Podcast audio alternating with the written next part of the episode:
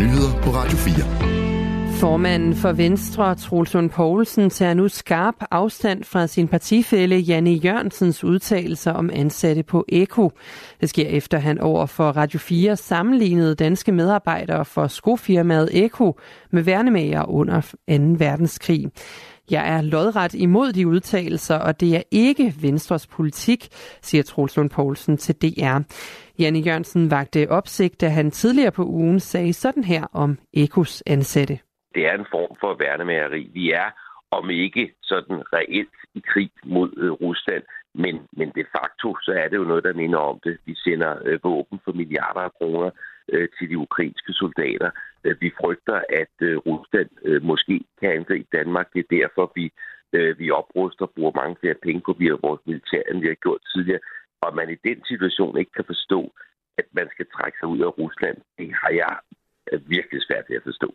Eko har undladt at trække sine forretninger ud af Rusland efter krigen mod Ukraine. Janne Jørgensen har opfordret medarbejderne på Eko til at sige op eller til på anden måde at vise utilfredshed med deres arbejdsplads.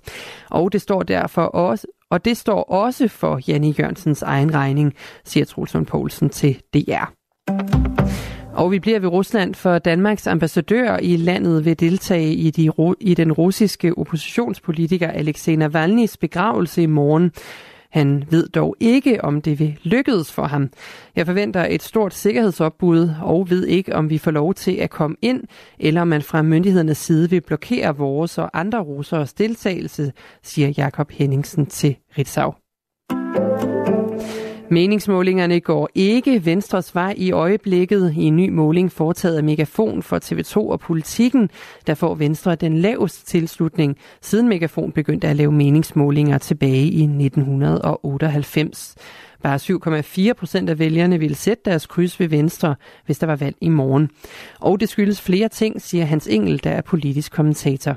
Jeg tror, svaret øh, ligger der, at øh, at øh, den uro, interne uro, der, der er i Venstre omkring øh, CO2-afgiften, det at øh, man ikke rigtig sådan har fået noget ud af, skal vi sige, regeringens store udspil, altså for eksempel ældreudspillet, og jo heller ikke overenskomster, der sådan faldt øh, godt øh, på plads. Øh, de ting, der har været med lønmodtagerrettet og andet.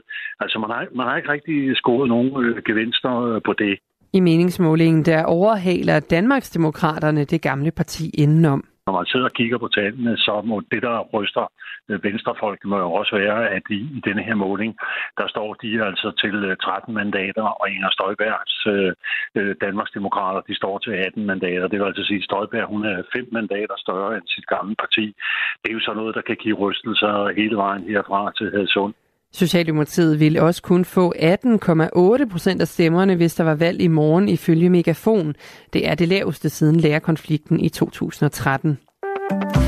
Justin Timberlake spiller en ekstra koncert i København på grund af stor efterspørgsel på pre-sale billetter. Det skriver Live Nation Danmark i en pressemeddelelse. Den amerikanske popstjerne spiller nu både den 29. og 30. august i Royal Arena i forbindelse med sin verdensturné The Forget Tomorrow World Tour. Det officielle billetsalg til begge koncerter begynder i morgen. I aften og nat bliver det skyet, og i Jylland kommer der lidt regn. Længere mod øst bliver det tørt og til dels klart vejr med risiko for dis og tåge. Temperatur mellem 2 og 6 grader og en let til frisk vind. Det er nyhederne her på Radio 4. De var læst og sat sammen af Anne